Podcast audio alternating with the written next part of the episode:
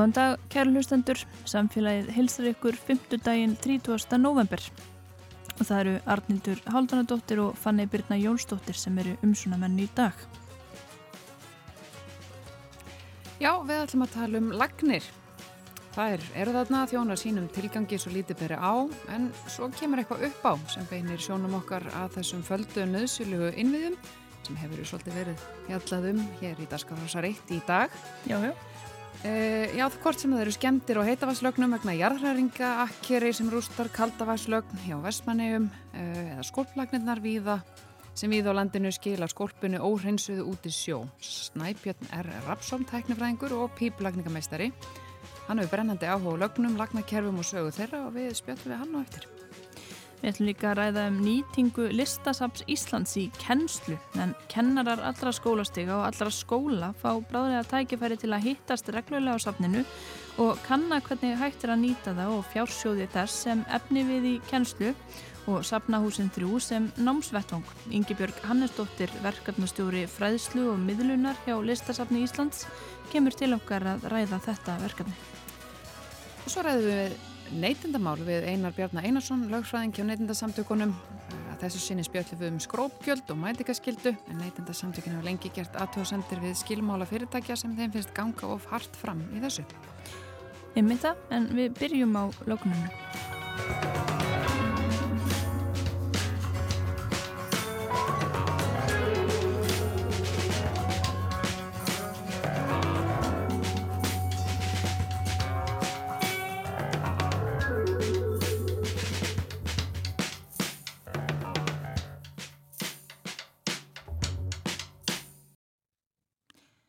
Snæbjörn R. Rapsson, pípilagningameistari og tæknifræðingur. Verður velkomin í samfélagið.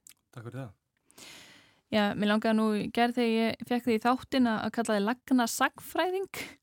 Þú heldur úti miklum gagnagrunnu, hefur svona haldið utan um sögu, lagna og ímislegt sem að tengist lögnum á vefsíðunni vassiðnaður.is. Og þetta er sko, þegar maður skoðar þess að síðu, þetta er miklu stærri geiri en ég allavega hafi gert mér grein fyrir og kannski svolítið falin eins og, eins og lagnirnar. Já, sko þetta var sinnaði.net .net. Fyrir ekki en hérna, já ég hef verið svona áhersamur um það að við erum að halda utan um söguna sko. Og sem sagt að og tilgangur þessi hefur aðalega verið það að við náttúrulega erum alltaf að upplifa hlutina ofta aftur og aftur. Og þá sá ég svona að það getur verið sniðut að taka þetta saman og eiga þetta svona saman í, í gagnagrunum og af því að margt hefur verið sagt og, og ritað ekki um tíðina og við erum ótt að endur taka söguna. Og oft getur verið djúft á þessu annað og, og það var svona tilgangurum með henni var í rauninni að taka þetta saman og eiga þetta á einu stað sko. Já, og þú ert að fylgjast vel með öllum lagnafréttum og vendala fylgjast ekstra vel með núna þegar að lagnir eru mikið í deglunni. Ef við bara byrjum til dæmis á vestmanni Jó, eða sko ég er náttúrulega líka svolítið á að samur um eldri tíma og því ég hef náttúrulega verið að taka saman hérna, hérna gamalt efni. Af því að ég vil meina það sem við erum að ræði núna hefur jæfnir gæst áður. Eða allavega eh, leitt okkur að því að það geti gæst og það er að góða við að þegar maður er, með, er að horfa í söguna þá getur maður þessan lært að henni og séð hvað hefur gert áður. En vestmanni er já, það er svona eitthvað sem maður er að koma svolítið inn núna og minnur okkur svolítið kannski á það hvað vatni skiptir miklu máli. Já, það er hérna þessi eina kaldavaslögn af meginlandinu út í eigjar og eigjar þar alveg endur mjög berskjaldadar Já, það er nú stef síðunar að, að vatni sé okkar dýrmættasta viðlind og þetta minnir okkur kannski svolítið á það þegar maður hérna, sér hvað er að gera stanna það kemur í ljós núna þegar Karlsljós kemur á þetta allarleið að þarna eru innviðir sem eru viðkvæmir og þarf ekki mikið til. Hugsanlega hefur ekki verið mikið lumræða á þeim nótum að menn velti því fyrir sér hvaða hérna, árið það getur haft bara eitt svona lítið slis sem getur náttúrulega verið töluvert. Já, og kannski fleiri auðvitað er kannski þetta dæmi með vestmanni er svolítið sérstætt að það er eiga og, og ekki hægt að nálgast vatna á eigunni en, en uh, eru fleiri staðir á landinu heldur sem eru svona viðkvæmir þegar kemur að lögnum og, og vatni? Sko við náttúrulega erum núna með tvö nýli dæmi sem er náttúrulega Grindavík og Vestmanniar. Vestmanniar er náttúrulega svolítið sértækt og þar eru kannski lausnindar í veitumólum að mörgluti sértækar. þar sem að menn eru, með, eru að búra eftir vatni undir eigaföllum og leiða lögnina að, að, hérna, að strönd og, og dælistu þar og dæla síðan yfir og, og, og eru þar með byrðatank sem svona varatank en svona er þetta reykið. E, þarna náttúrulega er þetta sértækt og í Grindavík e, hittæmið þar eru er þetta náttúrulega kannski nokkuð hefðbundara þar þar sem að lagnir eru fráutilagnir, neysluagnir og hittalagnir eru leitar inn í sveitafélagin en samt sem áður þar eru við líka á viðkvæmum stað gaggat sprungum og, og, og, og hérna, eldræringum og svoleiðis og það minnir okkur enn og aftur á að kannski ætti umræðan að vera meira á þeim nótum að sjá, þú veist, svona varanlega hættur. Já, og það leiður okkur kannski að því sko hvað þóla lagnir, hvað eiga það er að þóla þessar skemdir sem að verðast af orðið í Grindavík, eru þær óhjákvæmilegar eða hefði einhvern veginn verið hægt að fyrirbyggja þær? Það myndast svona sigdalur bara. Það er náttúrulega alltaf mjög viðkant sko, sko eða, umræðan er mjög mikil alltaf að endur nýja hluti, endur nýja lagnir og hefur verið lengi og auðvitað kemur í huga minn þegar við fyrir að ræða þetta að steinlagnir sem dæmi hafa menn verið að benda að hafa ákveðin líftíma sem eru 50 ár. Og það er náttúrulega þekkt í eldri hverjum í Reykjavík og annars þar sem að það þarf að fara með skiplaðum hætti og laga þetta. Þannig grindaði eru náttúrulega eldri lagnir og þetta er viðkamari kakati jarðhræringum og annað. Það mátti sjá á fréttamyndum og annað að það voru greinlega steinlegnir og annað sem voru búin að gefa sig. Hýtautilagnir og annað einhver leiti líka að öllum líkitum og það er þannig að það eru, það eru sánar stállagnir í hýtautum þarna plastlagnir í, í vassveitu frá, frá hérna, virkinu alltaf við liðina og steinlagnir sem að renna út í sjó beint út í sjó. Já, þá eru komin í, í hinn endan í, í skolpið það er náttúrulega líka ef við hugsaum um lagnir þá er nú bara talað um sko að minnstakosti 30 miljardar kostnað sem er fyrirlikjandi á sveitafélögum sem að hafa ekki staðið við þessar kröfur sem að Európa-sabati gerir, Európa-tilskipin frá 98 Já, þetta er náttúrulega búið að vera tölver umræða núna er unni frá aldamótum. Það sko reglugerður og aðrar fóru í gangi krigum aldamótin, það sem að voru settar ákvæmlega reglu sem átt að gera þetta. Síðan hefur verið umhverjastofnun og fleiri hafa verið að reyna að fylgja eftir í að, að málun séu, séu klárað. Og sagan er cirka þannig að, að 2005 þá var, voru settar ákveðna reglur með þetta og, og hvernig þetta gera þetta. Og 2009 er, eru hlutindi svona endur skoðaðir og síðan sko gerist rosa lítið á milli alveg fram til 2020 í þessum málum. En og búið að vera tölfur umræða og það þarf náttúrulega tölfur til. En það verður samt ekki af því tekið að sérstaklega stóru sveitafélagin þau hafa nú tekið á þessu núna á síðustu tíu árum svona frá 2016 þá hafa, hafa komið hérna hreinsistöðar og dælistöðar hérna í Reykjavík það eru fjóra dælistöðar sem eru hérna í Reykjavík sem að dæla út og svo til fyrirmynda hvað búið er að gera þar og ef við förum á næsta stóra stafi sem er kannski aðgurir, þetta var í já bara ef við segjum alveg svo er slæmum málum og fólk vildi svo sem ekki ómikið tala um það en það ættu flestra að vita það.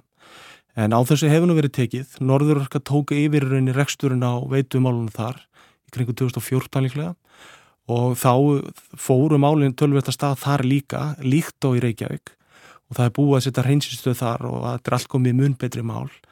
Þetta var náttúrulega valla umræðu hæfti eins og þetta var, menn voru að hleypa fráninsli 90 metra út fyrir hérna ströndina.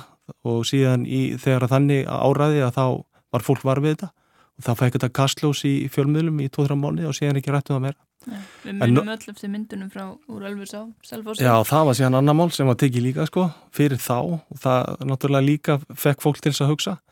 En það er svo sem sama það líka. Það er alltaf verið að reyna að vinna í þessum hlutum og það er svo sem komið mun betri mál þar núna.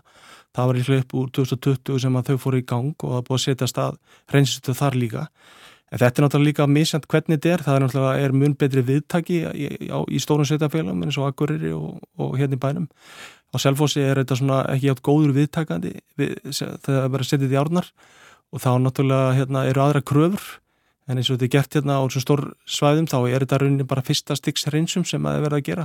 Það sem þetta er gróf hreinsað og síðan er þetta dælt út. Þetta er dælt fjóra-fimm kilómetra út hérna á Reykjavíkusæðinu og, og, og hérna og þá er henni á þetta að taka við sjórin.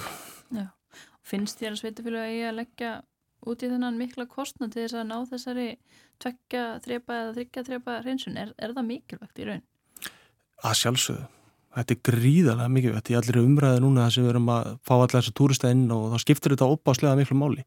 Það er eiginlega skrítið að þetta skul ekki fá í rauninni meiri fókus með að við gafum að gera mikið út að fá túrista til okkar og, og, og gera mikið úr þeim málum að þá skiptir það svo miklu máli. Við erum alltaf að tala um reyna landið og síðan er rauninni þegar þetta fer í nánari skoðun þá er nú ansið marg sem þarf að gera betur. En það eru tvær hliðar öllu og þetta er náttúrulega meirinn að segja það. Ég meina, akkur einhver sem dæmi lágu, þetta tölfur umræðið á þeim á sínu tíma, en sko síðan er verið að vinna kannski í einhverjum innviðum sem fólk veit ekki um, það þarf að samina kerfin. Frálenskerfi eru geta verið innföld og tvöfaldkerfi. Tvöfaldkerfi þýðir að það er aðskili regnvatn og frávita.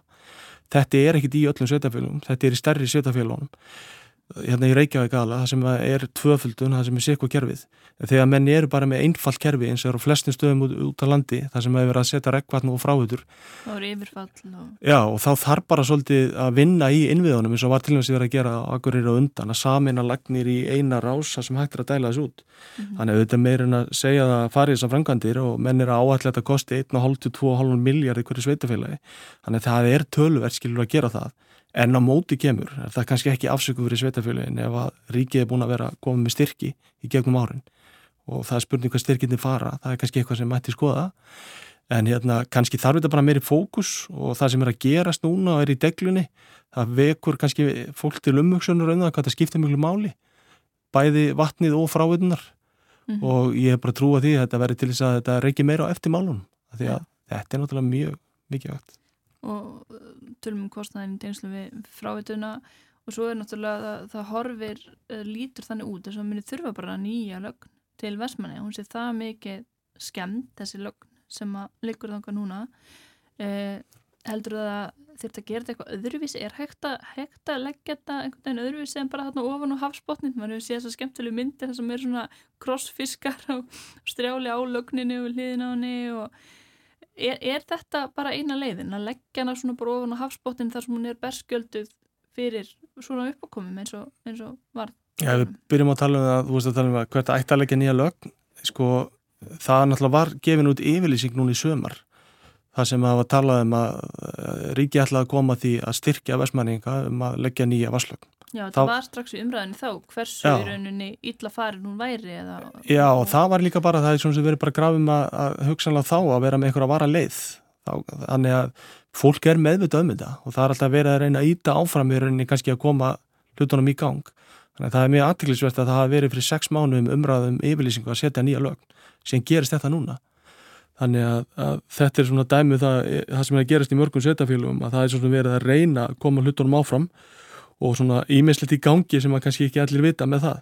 En varðandi það hvernig hérna, lögnina á líta út, sko yfirleitt er þetta þannig að, að svona lagnir það liggja á hasbótni en þær eru bara mjög vel varðar. Hvað sem að það er á milli landa, Noregur er náttúrulega mjög mikið í því að vera með að flytja hérna, vatn og orku á, út til Evrópu og við erum að gera þetta einhver reildið til Vestmanni eða okkur. En þetta eru yfirleitt karpla sem liggja bara sko, óhreyfðir, þeir eru yfirlilt ekki allavega eru plægðir niður það er þó til, hérna, það hefur verið gert en þeir eru mjög vel varðir, þannig að það er mikið að ganga á til þess að, hérna, að þeir fari. Þannig að það er þá bara spurning hvert að þurfum einhvers konar vöktun eða eitthvað í þeimtur hefði haldið frekar. Mm -hmm. Að lókum bara sko, viðhald á, á lögnum og, og meðvitund um þær uh, eigum við langt í land þar er, er við sko nógu duglega viðhalda þessu eða fljótu við svona svofanda feðarósi í gegnum þessar, þessi lagnakerfi okkar? Ég held að Íslindika getum alveg viðkjent það að, að við förum helst ekki í viðhald nema eitthvað sem bilað. Það er svolítið þannig. En hérna, en auðvitað er alltaf umræða sem er í gangi að, að hérna, vera með eitthvað fyrirbyggjandi mál. E, það er svo sem þekkt inn að lagna hefins hvað þarf að gera í mörgum málum. Við náttúrulega erum með, hérna, með eldri lagnir sem þarf að viðhalda og það er talað um að lífti bygginga síðu 50 ár og það er svona álíka við lagnar. Það hefur orðið tölvið þróun í lagnamálum það sem að verið að fara yfir efni, plastefni og annað sem að endast betur. En heilt yfir ef við svara spurningunni þá er þetta ekki nógu góð, góðu málum hjá okkur yllingum bara yfir höfuð, svona viðhalsmál. Og hérna, maður þekki það þegar maður er bæði í nýbyggingum og er að sinna svona viðhaldsmálum að, að það má betur gera þar sko. Já, og kannski tekja fyrir núna til þess að hugsa meira um þetta en takk kærlega fyrir að ræða lagnir hverskonar við okkur í samfélaginu Snæbjörn R. Rapsson, tæknufræðingur og píplagningamistari Takk fyrir það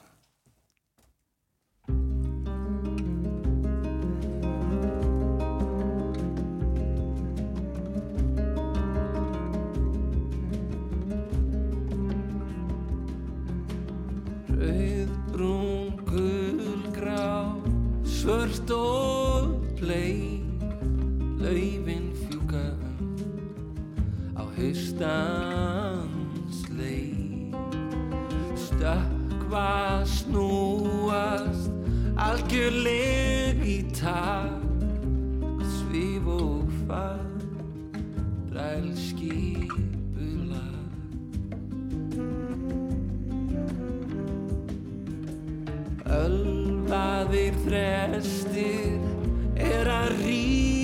kjátt, fljúast á, drekka berjarsa. Kjarrið brakar, kvíslar ofur hljóð, vangaðu við mig í alla.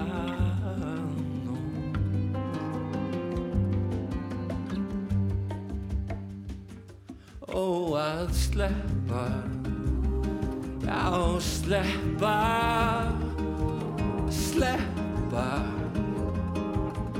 Alveg takinu og dansa. Já, dansa Dansa. Eins og glóð í myrkrinu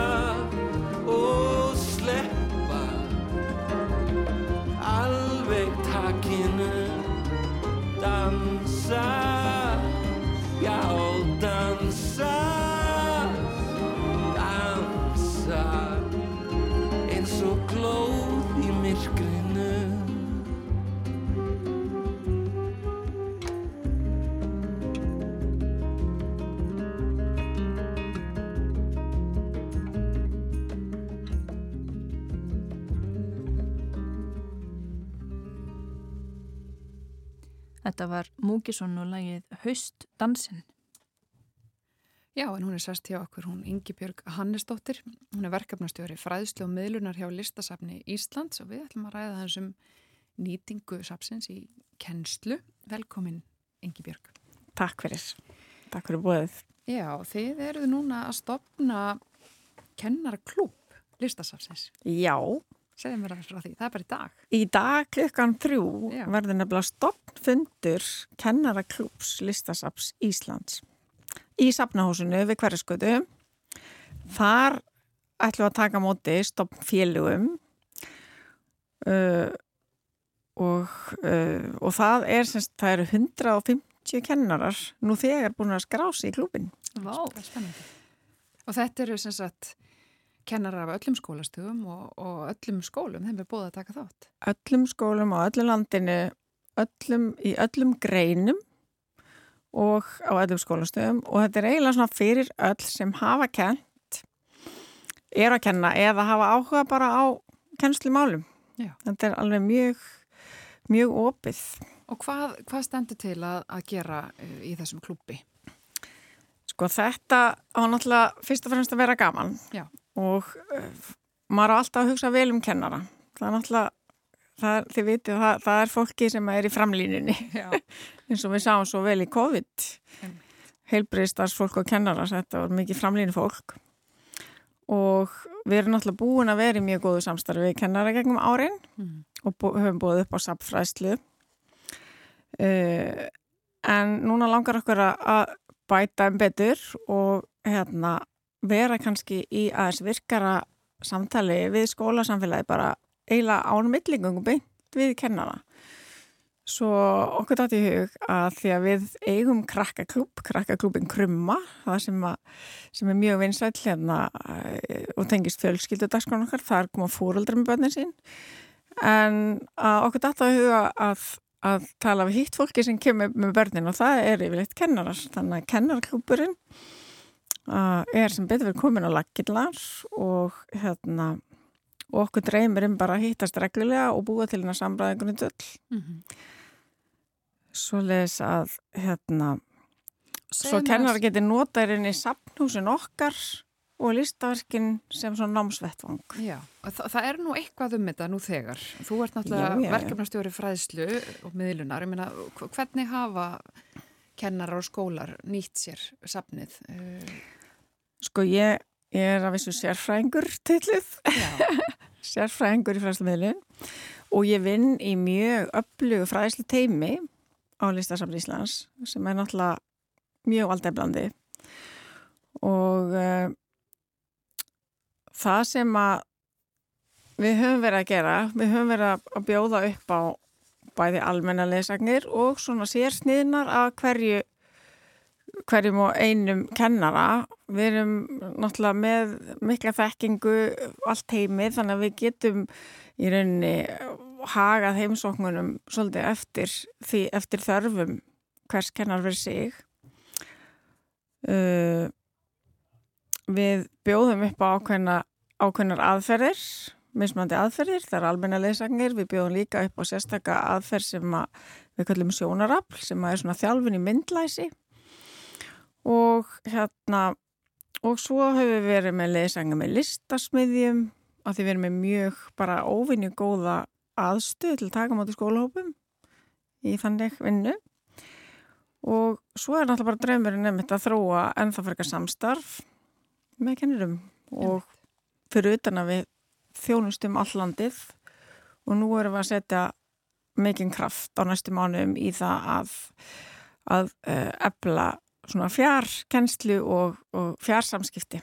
já. Já, verður þá farið í, í hérna skoðunumferðum safni, kannski bara á Teams eða? Við skulum bara, ég, minn viltasti draumur er að það verður bara farið að fólk getur bara gengið sjálft uh, og verið inn í róbot og labba við hliðin á mér. Sýndar veruleika. Uh, það er nú eiginlega bara enn en, önnur hliðin en í rauninni, uh, já það, það getur verið síndarveilegi það getur verið það getur verið einmitt bara gamaldags tíms sem er skilst að sér í mitt ára svolítið gamaldags. En svo líka einmitt er, eru til aðferðir það sem að eru til bara róbótar sem eru svona eins og fjár vera þannig að þú getur setið á Siglufjörði með iPad og gengið við hliðin á mér inn í safninu í róbótunum og skoða bara það sem þú vilt. Já, með leðsugur. En þetta er svona mínir viltustu draumar kannski. Já. En, en uh, þú sagði að það væri 100 og meirin 150 kennarar búin að skrá sig núna. Er þetta, er þetta fólk af einmitt öllu kennslustöðum eða er þetta meira, meira yngri krakkar eða framhaldsskólanir eða hvernig, hvernig nýtist þetta núna? Það er, það, það fólk skráir sér svolítið bara sem kennara. Og við höfum reyni lagt upp með það að, að þú getur skráðið reyni persónulega í þennan klúb og ég hef séð þar sem ég sé það að, að þetta eru þetta hefur verið bæði kennar og stjórnundum af öllum skólastígum háskólanir hafa áhuga líka og framhaldsskólanir koma mikið til okkar það er leikskólastjórar sá ég sem voru mónskar á sig. Það eru framhaldsskólakennarar grunnskólakennarar leikskólakennarar. Þetta er náttúrulega myndlist er náttúrulega bara í rauninni þú veist að njóta myndlistar eru lífsgæði sem að allir eiga rétt á að njóta bara á öllum aldurstegum og við náttúrulega erum með hana fjársjóð í listasafni Íslands sem bara við eigum öll saman og það er svolítið sniðugt að ég spyr stundin krakkan af því veitir því hver á listasafni Íslands? Og þau náttúrulega byrja að segja fósitinn en og svo þú.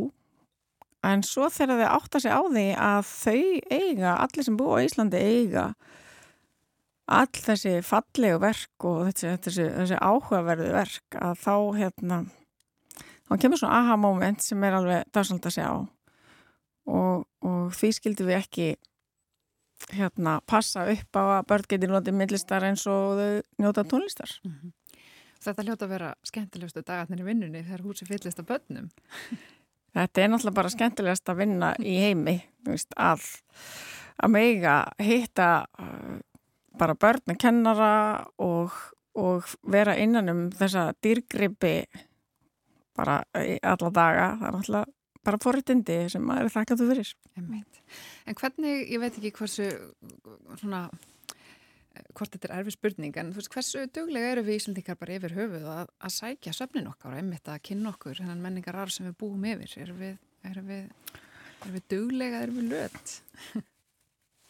Sko ég held að ég held að fólk vilja alveg vera duglegra. Ég held að sé þannig. En, en ég held að miðlunastarf yfir höfuð á söfnum hérna á Íslandi hafi sótt mjög mikið fram. Og, uh, og er komið svona í já, meiri, meira í sviðsljósið. Og það er, það er bara á öllum söfnum síns mér. Og það sem við höfum fengið mikið af náttúrulega eru ferðamenninir þeir hafa komið og kannski er það oft svona glögtur ekki að sögja að þá, þá fer fólk að átta sig á hvað er svona spennandi og, og, og fer að koma það kannski bara meira til okkar en að sjálfsögðu við eigum þetta alls saman og alveg eins og við förum á tónleika þá, þá ættum við að, njóta þess að skoða lómanans Jón Stefanssonar í safnahúsinu reglulega. Heldur betur. Uh, en síðan er þessi, þessi stoppfundur á eftir. Það stendur mikið til. Já, það er mjög spennand. Hvað ætlið það að fara yfir? Við ættum náttúrulega bara í rauninni að, að kynna bara okkur og þetta Þetta er fræslu teimi sem, a, sem að við erum að byggja upp. Við, við ætlum að kynna fræslu leiðirnar sem, a, sem að við erum nú þegar með og við ætlum að kynna svona dagskrá klúpsins aðeins fram í tíman og hérna og liggur hún eitthvað fyrir? Pá, já, hún er eiginlega hún liggur eiginlega svolítið fyrir það, það er hérna okkur langar náttúrulega til þess að hafa skemmtilegan og fræðandi klúp um leið og við lærum af, af hérna kennunum og, og dagskrá, við ætlum að vera með við erum með mjög svona fast form fyrir ekki fast form á, á krakkaklubnum þar, er, þar liggur alltaf fyrir bara januar uh, uh, dagskraf voranar og í byrjun júni fyrir dagskraf haustanar og þetta ætlum við líka að gera í kennarklubnum þannig að fólk getur skipilagt sig svolítið fram í tíman en það sem við ætlum að gera til dæmis uh, á næsta ári er að við ætlum að bjóða upp á upp á leiðisögn til dæmis á síningu Eils Æbjörnssonar þar sem að tröll tala saman í, í, í hérna ekki síndarveruga heldur uh, ger, í gegnum gerfugrind mm. sem er mjög skemmtlegt alveg í já, mjög risastórum iPhone-um. Ímislegt gaman á þeirri síningu og við ætlum að hérna, vera með leðsögn þar og spjall. Og svo ætlum við að bjóða vö- í vöflukaffi til dæmis í mæ í hérna, húsi Áskrims Jónssona sem er líka eitt af safnusnum okkar Mm. og, og svo ætlum við að vera með já, svo ætla sýningastjóri sýningarna við nám sem að er í safnahúsinu sem að listasafn Íslands tók við núna í mars 2021 held ég mjög flott fasta síning sem að maður getur svona gengið að svona, svona líkilverkum í. Hún ætlar að vera með, með hérna, að getum hitt hana. Og svo í haust þá eiginlega stefnum á að vera með svona vera með svona þjóðfundar fund með kennurum þar sem að við svona fáum að draga svona út þeirra, þeirra svona hvað þeim finnst og, og já, bara fá þeirra, þeirra viðhorf og með ymsum, svona málum sem snerta samskipti skólana og listasafsins. Einmitt, nógum að vera. Það er náttúrulega engin smá sapkostur sem að þið búið yfir. Ég meina, þetta hlýtur að vera bara stórkoslegt verkefni eða eitthvað neginn að ákveða hvað á að vera í forgrunni hverju sinni. Já, það er allavega nóg að velja og, og, og kennarar og skólar yfir höfu geta bara, við getum í rauninni farið inn í hvaða þema sem að vera að vinna í skólunum.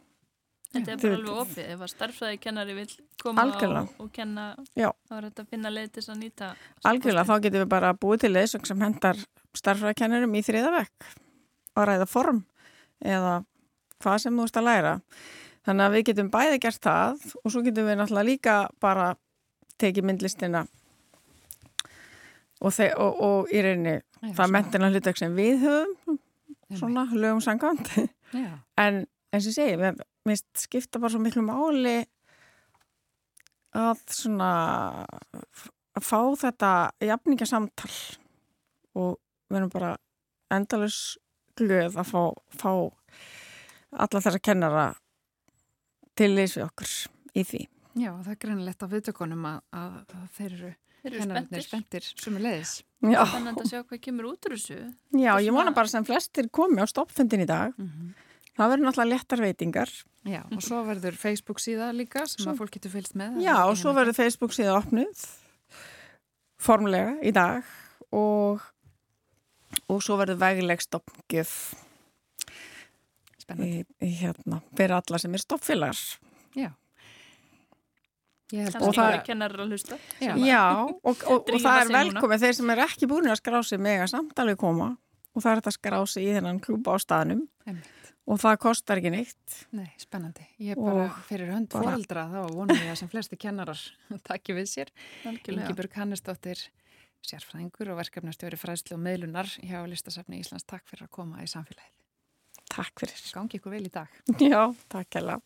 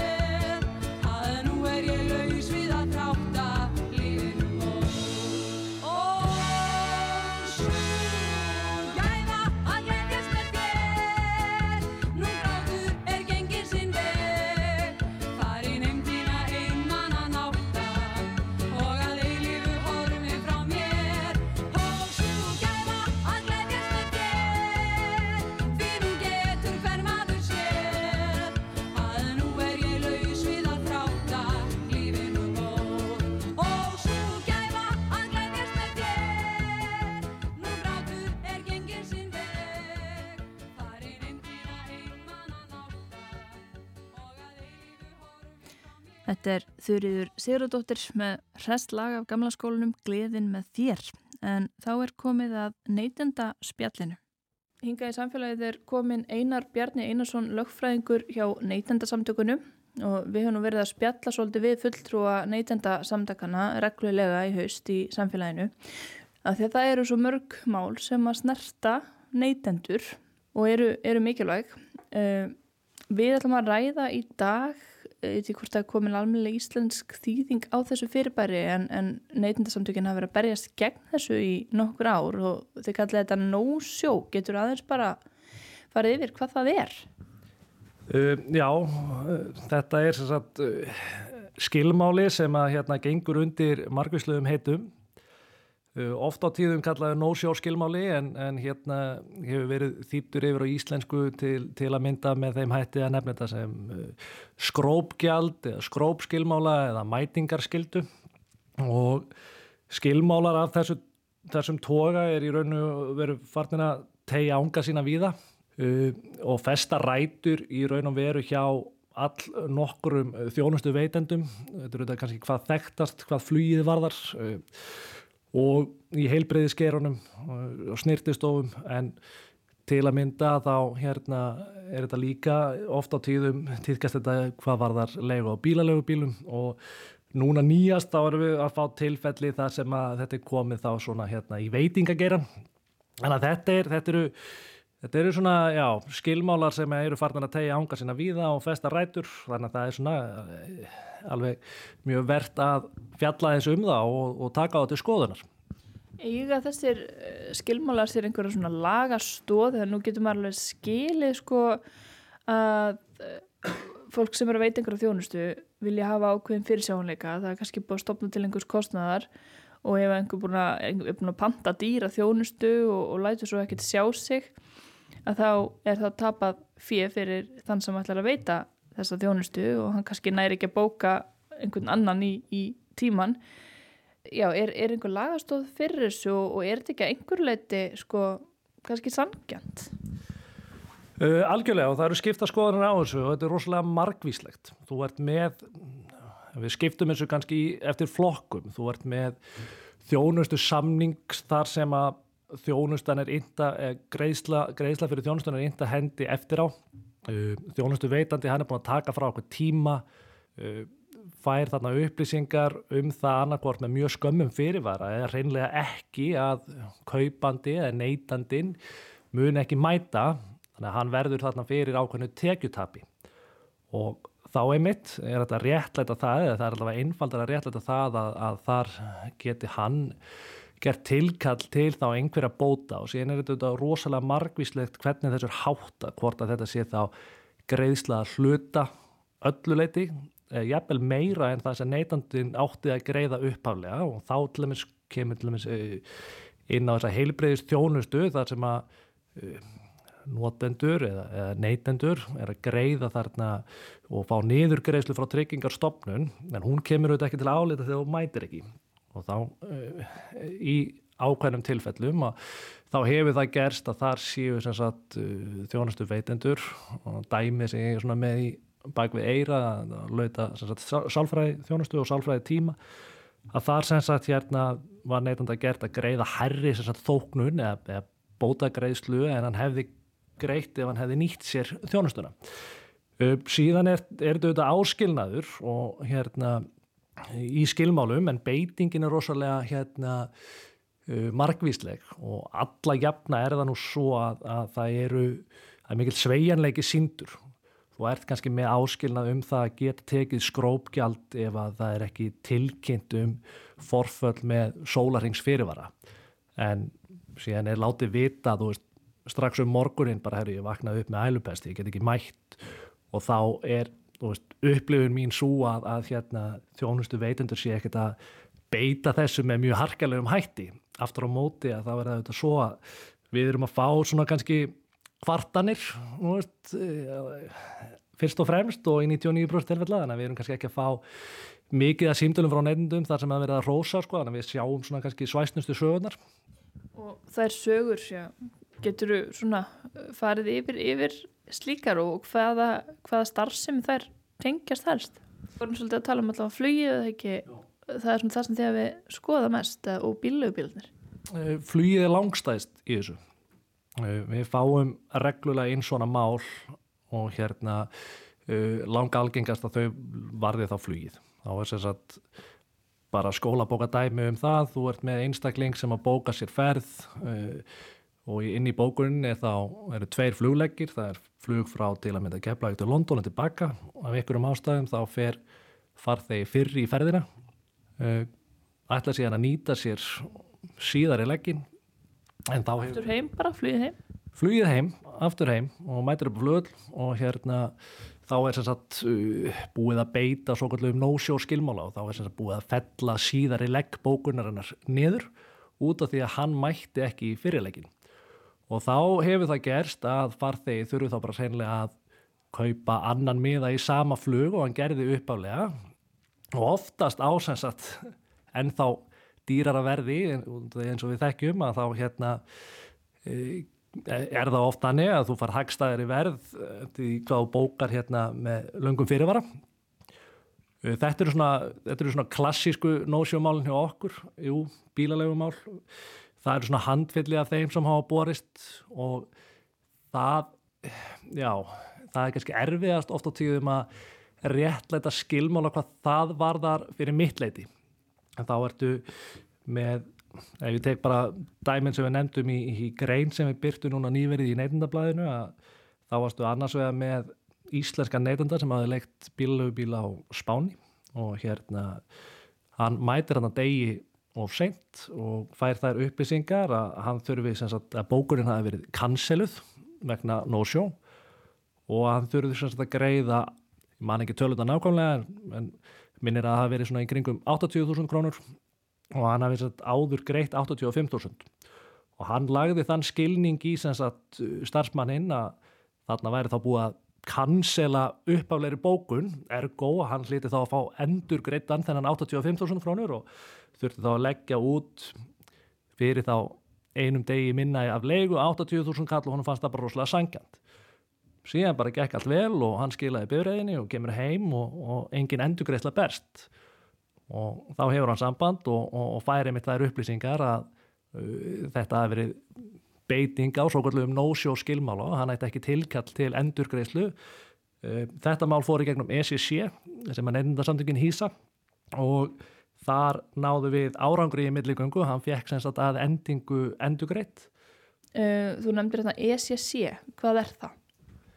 Uh, Það er í raun og veru evrósk neytenda aðstóð sem að er að hluta til fjármögnu af Evrópusambandinu og, og síðan aðildaríkjum og uh, sem sagt 50-50 skipting og hún í raun og veru hérna uh, býður upp á þann option að íslenskir aðilar sem að stunda viðskipti við erlendasölu aðila eins og til dæmis í tilfelli eldri mannsinn sem að leiði bíl, bíl út á Spáni að þá sem sagt geti hann leita til ESI stöðvarinnar í sínu heimalandi sem útbýr fyrir hann mál sendir það til ESI stöðvarinnar í Spáni eða landi sem sagt þjónustu verðenda og hún setur sig þá í samband við fyrirtækið. Og með þessu móti að þá ertu bæði búin að sko yfirstíga mögulega þetta tungumála örðuleika en líka bara út af því að jafnvel þótt að það sé að hluta til viss samræming á neytenda rétti innan Európu að þá hérna er það ekki að öllu leiti þannig að þú líka svona kannski með sér þekkingu bara á hvernig lögin eru, hvernig reglunar eru þarna í þessu tilfelli til þess að spáni hvaða úrræðistandandi bóða og svo framvegis. Og síðan er þetta auðvitað væs versa. Það er að segja erlendur aðili sem á í viðskiptum við Íslands fyrirtæki hann leitar til ESI stöðurna sinna sem að sendir máli til okkar og við höfum þá samband við uh, hérna íslensku fyrirtækin. Síðan var hitt dæmið að þar var erlendur neytandi sem að hafi leikt bílubíl hér á landi og mætt þarna örfáðan klukkustundum síðar uh, reyndar þá að búið að loka bílalegunni þannig að hann kemur ekki fyrir en degi eftir til þess að sækja bílinn og þá var sem sagt fekk hann þær upplýsingar að bílinn væri þá ekki tiltækur það væri búið að leia hann öðrum og hann fekk ekki endurgreislu og það náði til dæmis ekki að leysast úr þessum máli með farsalum mæti sko. Og ég, hvernig gengur ykkur almennt að, að svona leysa úr þessum málum? Það hafa verið líka bara dómsmál í, í Evrópulöndum. Hvernig gengur neytenda samtökum heilt yfir að, að berjast gegn þessu allavega þegar þessu beitt svona að ykkar mati með ósalgjötum hætti? Uh, Alla jafna mjög vel. Aftur á móti, þetta er, þetta er frábær spurning út af því að uh, vissulega til dæmis þegar kemur á fluginu og enn og aftur kemur inn á það er svona kannski algengustu tilfellin þar sem að þessum skilmála er beitt að þá ertu með dóma fordæmi utan landsteina en hér á landi að þá hefur gengið örðulega að láta á þetta reyna út af því að milliganga gengur vel. Þegar að þetta fer eitthvað áfram að þá er oftast bara setlað og gert upp. En skilmálarnir, þeir standa úr hefðir, þeir eru endur staðar. algjörlega og það er líka alveg verðt að velta því upp fyrir sér. Uh, það gengur vel hjá okkur í milligöngu en hversu margir leita til okkar? Erum við að tala um 10% af nefndur sem lenda í þessu? 15% núna veit ég það ekki. Uh, ég oft velt þessu fyrir mig líka bara í sambandi við flug almennt. Þú ert með hérna flug, flug sem að senkar um meir en 5 klukkutíma eða eitthvað og hérna 100 manns í velni rétturinn til bóta kannski hérna fremur augljós. Hvað eru margir af þessum 100 sem að sækja rétt sinn? Og ef þeir fá nei í fyrstu aðrinu, hvað eru margir sem leitir til okkar? Þannig að þú veist, uh, já það er oft gaman að velta fyrir sér svona hlutföllum í þessu sambandi sko. En þetta er sko, ef að, ef að þessi, þessi kröfur eru gerður, oft er þetta, veist, það talað um einhver tímarama ef að ekki er, er látið, ef, ef til dæmis bílögubíl er ekki afpantaður innan þryggja sólringa, þá leggist eitthvað gjald á og það getur þá verið 10% eða það getur verið eitthvað miklu hærra, það er allir gangur á því að það ekki. Hversu? Og, og svo er spurninga mitt hvort að þessu er beitt þegar hólminu komið. Ef að einhver skrópar, skróp er kannski svolítið gildislaðið, það getur ímslega komið upp á í lífinu líka eins og nefnir, ælupest og svona. Uh, þannig að það er kannski einmitt slæmt ef þetta er háð bara geðþótt að tilviljum hvort að þessum skilmálum er beitt og hvort að það er þá eitthvað hægt að taka mark á þeim. Já, algjörlega, þú ert þarna með skilmála sem áskilur þér rétt til þess að framkvæma ákveðin gjörning. Mínu upplöfun svo að það sé alla jafna mikill sveigjanleikur síndur í, í þessu sambandi. En já, þú getur auðvitað verið með svæsinn tilfellið að núti þar sem að það er ekki raunin. Í raun og veru það sem að kannski kemur hérna til álita oft á tíðum er bara reynilega hvort að e, skilmálin og í raun og veru atvik eins og þau bara hérna, eru hverju sinni séu þá ósangjötn eða ekki. Uh, þú veist, í þeim tilfellum allavega svona fyrir mittleiti þá myndi mér finnast það svona fremur ósangjant, jafnvel þótt að það væri skilmáli þess efnis að það þyrta tilkynum forföll með sólarings fyrirvara, að ef að neytandi sannarlega lætur vita að hann hafi orðið veikur um nóttin og ringt um leið og skrifst og opnaði eitthvað þvíum líkt að þessu sé þá ekki beitt að fullum þunga og það er í raun og veru eins og ég hef nefnt núna í tví eða þrýgang sko. Mín upplifun að, að sé sem sagt staðan en enn og aftur við fáum kvartaninnar ekki, ekki kannski rósin sko. Og þetta svo nefndir með flugið að ef að ég ætla að fljúa til London og aftur heim og get ekki nýtt mér fyrirferðina en er samt stödd í London og vil nýta flugið heim er þetta bara gegnum gangandi hjá flugfélögum að, mér væri neitað um, um þennan miða minn að nota Þetta er ekki algilt en þetta er mjög þekkt meðal vissra flugfélag bæði hér á landi og utan landstina og uh, já, fyrir okkar leiti að þá þætti mér eðlilegast að, að og sérilagi ef að farþegi lætur flugfélag vita ég kemst ekki í, eh, mun ekki nýta með fyrirlegi en hyggst nýta þann síðari að svona skilmála er þetta ekki beitt. En við höfum já, allmörg dæmi um að, að, að það sé raunin og höfum þá verið að annast milligöngu fyrir hönd, hönd neytanda.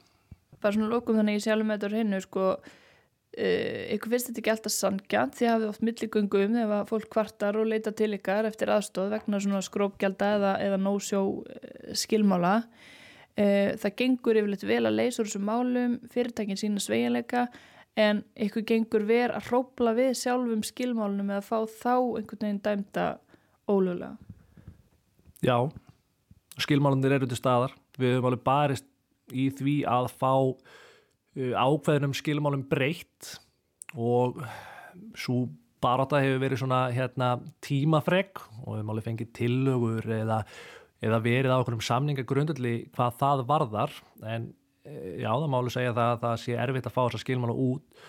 En líka bara eins og ég hef nefnt ég meina oft á tíð, þetta er, þetta er, þetta er rosalega uh, misjant þetta er aðstæðum. Stundum finnst mann þetta eðlilegt uh, og í svona svæsnustu tilfellunum þá finnst mann þetta ósangjant sko. Og síðan er bara einhvern veginn allt litróið þar á milli. Einmitt. Takk fyrir að fræða okkur um þetta Einar Bjarni Einarsson, lögfræðingur hjá neytindasamtökunum. Takk fyrir að bjóða mér